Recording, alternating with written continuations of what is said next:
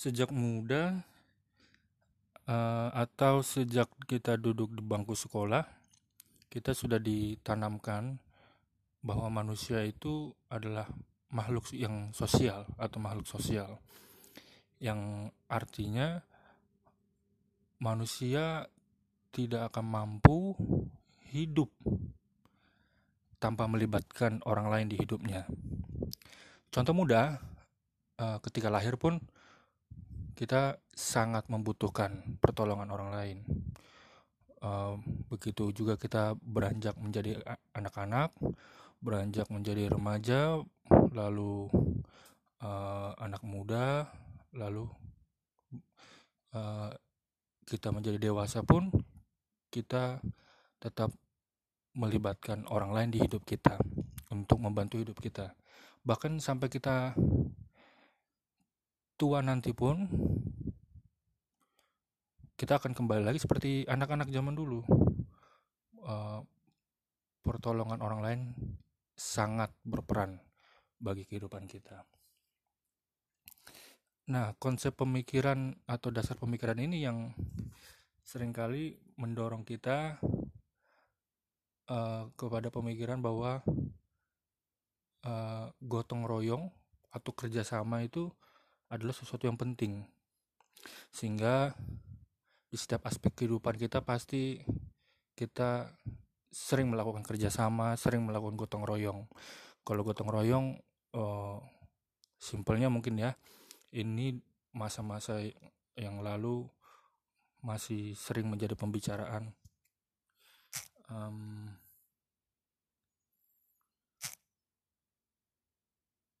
kita gotong royong di rumah, membersihkan rumah, atau gotong royong di lingkungan warga bersama dengan tetangga-tetangga, ya mungkin sekarang sudah mulai sedikit bergeser lah. Uh, atau gotong royong di sekolah, wah ini yang paling um, mungkin paling sering kita lakukan gitu ya, karena di sekolah dulu gue biasanya setiap minggu ada piketnya uh, ada jadwalnya gitu ya. Itu mulai dari uh, eh, SD SMP bahkan SMA juga masih uh, ada piket untuk gotong royong membersihkan kelas masing-masing. Jadi budaya gotong royong ini udah bi udah biasa kita lakukan di kehidupan kita sehari-hari. Begitu juga kalau kita katakan kerjasama uh, sangat sering banget kita lakukan mulai dari mengerjakan tugas uh, tugas akademis gitu ya. Hmm, uh, urusan persahabatan kita bekerja sama. Uh, urusan percintaan kita bekerja sama saling comblang mencomblangi gitu. Urusan kekeluargaan kita kerjasama bahkan urusan contek mencontek pun kita bisa dikatakan itu kerjasama lah walaupun dalam konotasi yang negatif um, melalui uh, kerjasama ini uh, sikap yang gotong royong uh, tentunya membawa kita ke kondisi yang bisa kita rasakan seperti kondisi yang kekeluargaan gitu. Saat gotong royong atau saat kerjasama kita bisa saling mengenal partner kita pasangan kita uh, rekan kerja kita. Kita pelan-pelan mengenal dia luar dalam sehingga uh, sering kali kita menganggap ini sebagai uh, kegiatan yang menumbuhkan kekeluargaan lah gitu. Jadi ketika kita udah dipisahkan uh, dalam event itu kita merasa ayo uh, kayaknya reuni lagi seru nih gitu. Karena kita mau menggapai rasa kekeluargaan itu lagi yang mungkin udah sirna. Misalkan kita mau reuni lagi dengan teman SD teman SMP teman SMA kita mau reuni lagi kita ingin mengakrabkan diri lagi dengan kondisi kekeluargaan itu. Kalau yang memang merasa ada uh, perasaan kekeluargaan ya pada saat dia mengalami. Tapi bagi orang yang merasa dulu diacuh uh, di, di tidak acuhkan atau di dikesampingkan oleh lingkungannya jadi merasa tidak ah gue nggak punya kekeluargaan di sini. Pasti biasanya nggak terlalu merindukan untuk bertemu kembali. Semakin kita mengenal partner kita bahkan kita menganggap mereka sebagai keluarga gitu ya semakin kita sadari bahwa manusia itu nggak sempurna ternyata. Kenapa bisa dikatakan gitu semakin kita kenal semakin kita tahu juga apa sih keburukan teman kita ya apa sih kekurangan dia ya apa ya uh, yang berbeda dari dia dengan gue apa ya yang dia tidak bisa dan gue bisa apa yang gue nggak bisa dia bisa gitu. Jadi kita semakin terbuka uh, horizonnya tentang manusia tentang lingkungan kita sendiri bahwa manusia itu nggak sempurna gitu berangkat dari situ kita bisa katakan bahwa manusia sangat mungkin mempunyai kesalahan, sangat mungkin melakukan kesalahan. Nggak ada satu manusia pun di muka bumi ini yang nggak punya salah. Yang kita nggak usah ngomong dosa. Kalau dosa itu termsnya udah berangkatnya dari uh, religion masing-masing gitu ya. Tapi kita sebut aja kesalahan lah. Supaya kita nggak berangkat dari religion yang sangat uh, beragam. Artinya manusia punya punya kesempatan eh bukan punya kesempatan. Manusia punya uh, punya kemungkinan untuk salah dan dan mungkin banget salah gitu Nah, ini yang perlu kita uh, pikirkan bareng-bareng. Terkadang kita uh, berharap uh, kita berharap kesempurnaan dari seseorang. Tapi kita harus mengingat lagi bahwa manusia tidak pernah luput dari kesalahan. Gitu.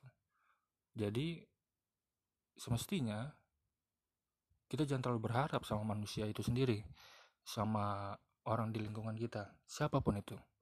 Kita jangan terlalu mengandalkan manusia lain. Karena bagaimanapun mereka pasti akan melakukan salah dan sering kali melakukan kesalahan. Gitu. Uh, kita contoh, kita ambil contoh secara uh, yang makronya dulu ya, yang besarnya. Contoh besarnya seperti Presiden Joko Widodo.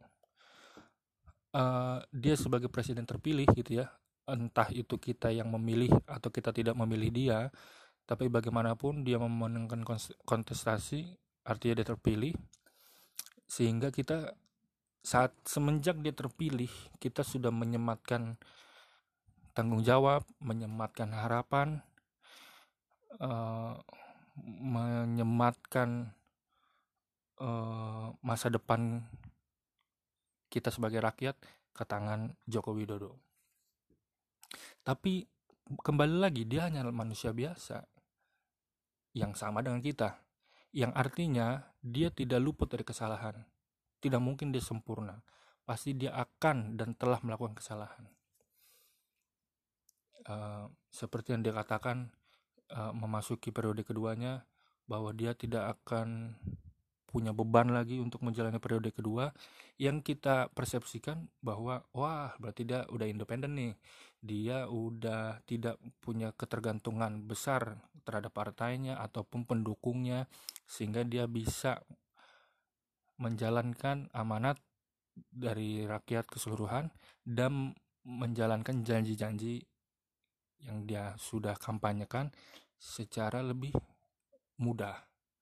Tapi kenyataannya dia menjalankan sesuai persepsi yang dia punya. Mungkin kita yang mempersepsikannya salah. Sehingga kita juga bisa mengatakan aduh ternyata yang dilakukan salah juga nih. Kayak gitu. Contoh lebih dekatnya kita coba dekatkan lagi contoh-contohnya um, di lingkungan kerja atau lingkungan kita berorganisasi? Sering banget pasti kita uh, mendapati kesalahan-kesalahan dari rekan kerja kita atau rekan kita berorganisasi. Yang yang biasanya yang bisa dialami ya termasuk ini yang gue alami adalah uh, ketika teman rekan rekan kita sudah mengatakan oke okay, gue siap. Ini gue bisa. Tenang aja. Lo tenang aja. Gue yang kerjain. Gitu. Artinya kita udah diberikan harapan penuh gitu ya. Eh, eh, bahwa pekerjaan ini akan dia laksanakan bahwa dia kompeten dan dia mampu. Sehingga melunturkan kekhawatiran kita sendiri terhadap pekerjaan itu selesai apa enggak tapi berjalannya waktu pekerjaannya nggak dikerjakan pekerjaannya diabaikan sekalipun dia kerjakan kerjaan asal-asalan segala macam sehingga membuat kita kecewa karena kesalahan-kesalahan dia gitu.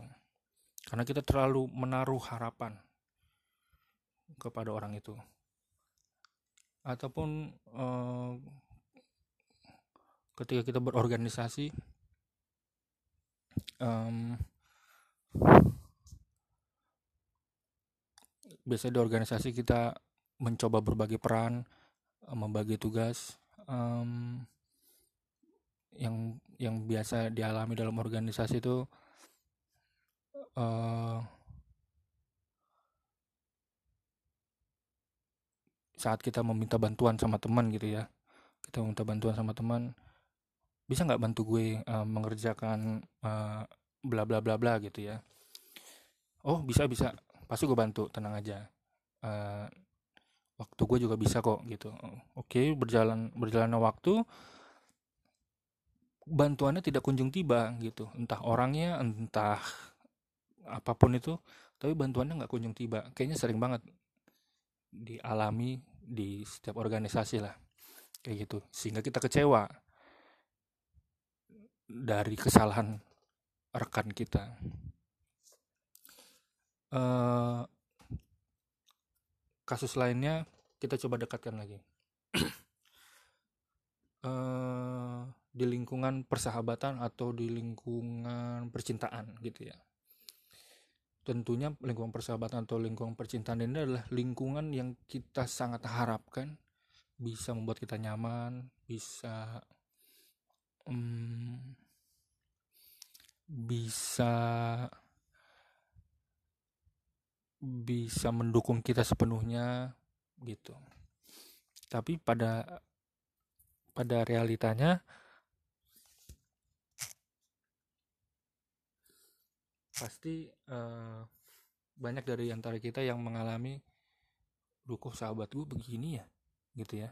Atau oh kok pasangan gue begini ya? Contoh ya.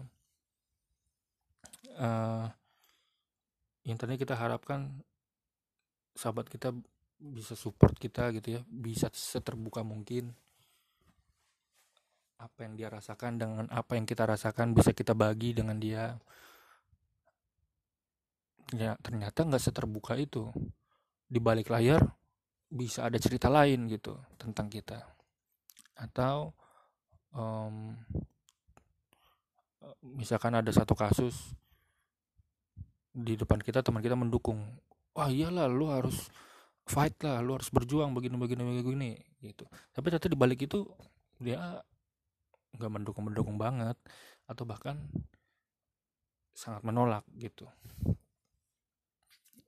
Lagi-lagi membuat kita kecewa karena uh, kekurangan teman kita kekurangan sahabat kita atau juga yang paling intim dengan lingkungan percintaan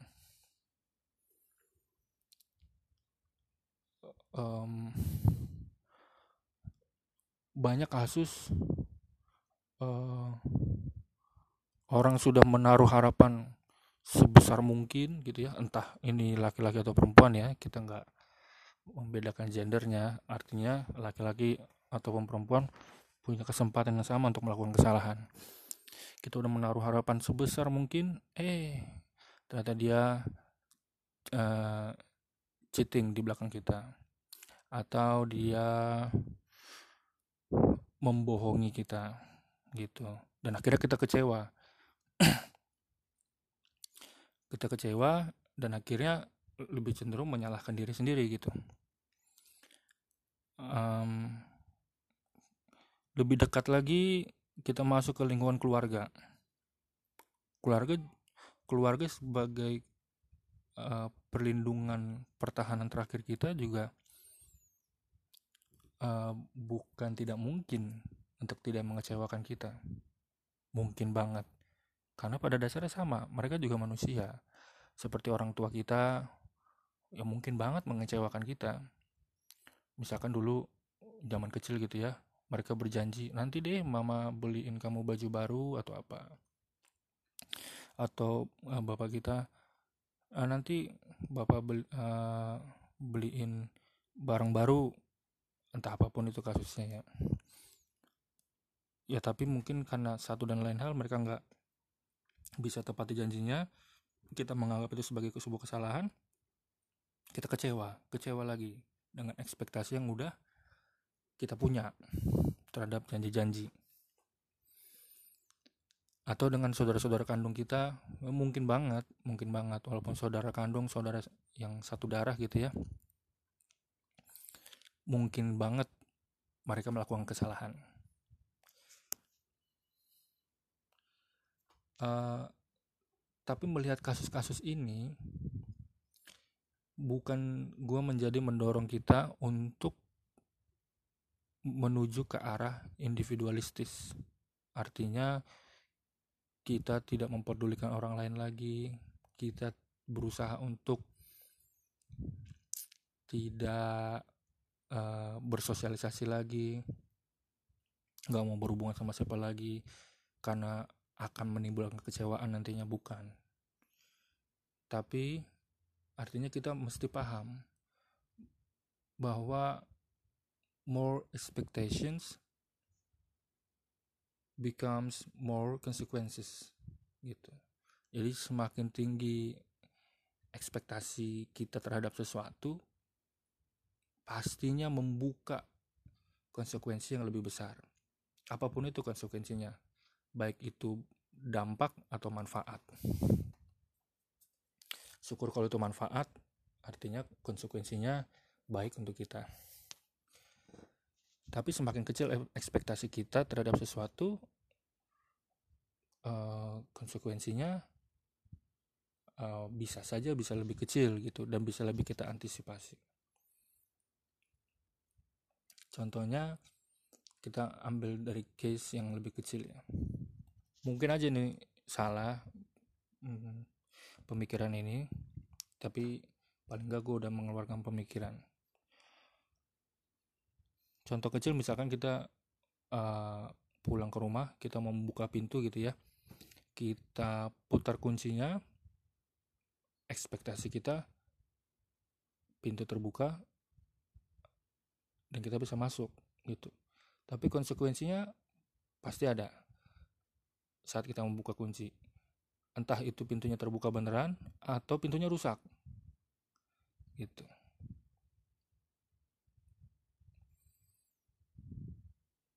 Itu masih hal yang kecil. Dengan hal yang lebih besar tentunya ada. Misalkan ke keluarga kita sikap kita ke keluarga akan menimbulkan konsekuensi kita contoh kita berekspektasi ah kayaknya kalau gua cerita atau curhat dengan keluarga bisa menenangkan nih gitu kan ekspektasi kita. Akhirnya kita bercerita. Eh ternyata konsekuensinya berbeda dari ekspektasinya karena konsekuensinya sangat terbuka lebar. Bisa aja keluarga kita menerima cerita kita dan mensupport mendukung gitu. Tapi bisa aja keluarga kita mensupport tapi dengan persyarat-persyarat yang lainnya atau bahkan mereka menolak keseluruhan apa yang kita ceritakan bahkan mencaci atau segala macam lainnya yang mungkin di luar ekspektasi kita. Artinya ekspektasi kita membuka ruang konsekuensi yang besar. Belum lagi ekspektasi-ekspektasi yang besar yang secara nasional gitu ya, yang akan melibatkan orang banyak, tentu membuka konsekuensi yang sangat besar. Uh, dengan begitu mestinya kita bisa berpikir lebih strategis saat ingin melakukan sesuatu saat ingin melakukan sesuatu kita pastinya udah berekspektasi dulu ketika kita misalkan mau berangkat ke pasar kita berekspektasi. Kita berangkat contoh jam 6 pagi gitu ya atau jam 5 pagi. Oh jalanan akan lancar pembeli uh, sedikit uh, eh, gue bisa belanja dengan tenang contoh. Itu ekspektasi kita. Tapi tentunya akan membuka konsekuensi yang sangat besar dan kita nggak tahu. Konsekuensinya entah barang jualannya udah habis atau ternyata nggak sesuai ekspektasi uh, pengunjungnya ternyata banyak atau jalanannya macet atau tiba-tiba mendadak hujan uh, dan lain-lainnya. Uh, berpikir strategis maksudnya kita mesti mempersiapkan sejak dini apa yang menjadi keputusan kita. Uh, apa ekspektasi kita sehingga untuk setiap konsekuensi-konsekuensi yang akan terjadi kita udah punya cara atau jalan alternatifnya untuk mengantisipasi. Sehingga kita nggak terjebak di dalam penyesalan, di dalam kekecewaan, karena cenderungnya orang tidak bisa pergi dari kekecewaan yang tiba-tiba datang, kekecewaan yang tidak terpikirkan.